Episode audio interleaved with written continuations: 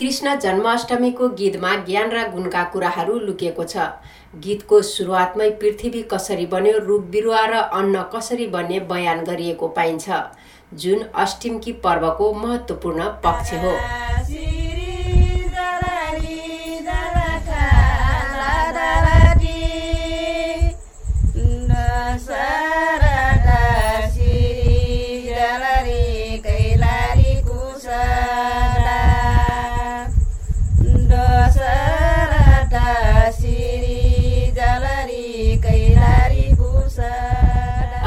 गीतका मुख्य पात्र जासु र ईशहरू अर्थात् श्रीमान श्रीमती हुन्।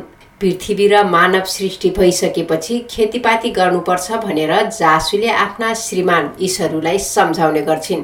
यसलाई थारू समुदायको भूमि खेतीप्रतिको लगावका रूपमा पनि व्याख्या गरी आत्मसात गर्न सकिन्छ।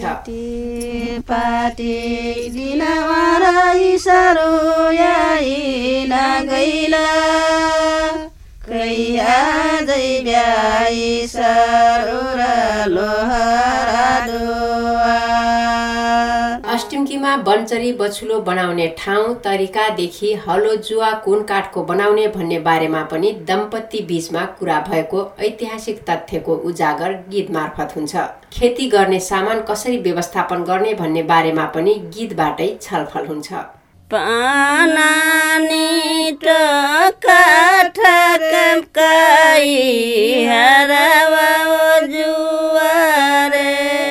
हिजो आजका युवा पुस्ताले खेती गर्दा चाहिने सामग्रीको बारेमा बिर्सदै गए पनि अष्टमकिया गीत अध्ययन गर्ने हो भने भूमि कृषि जीवन जगतका बारेमा विभिन्न सिप र कलाको बारेमा जानकारी हासिल गर्न सकिन्छ।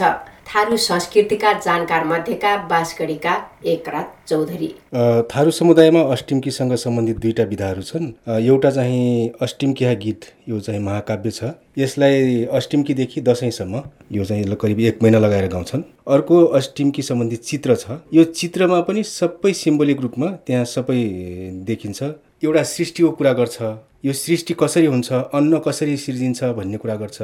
खेतीपाती गर्ने तरिकाबारे चाहिँ जानकारी गराइन्छ। अनि अर्को के सिकाउँछ भन्दाखेरि अब सृष्टि कसरी हुन्छ यौन शिक्षाको बारेमा पनि त्यहाँ जानकारी दिन्छ यो मानव सृष्टिको विषयमा कुराकानी गरेको छ। त्यसपछि यसमा राजनीतिक कुरा पनि छ जस्तै खेती गर्ने तरिका भात भान्सादेखि महिलाले गर्ने कामका विषयमा पनि अष्टिमकिहा गीतमा वर्णन गरिन्छ।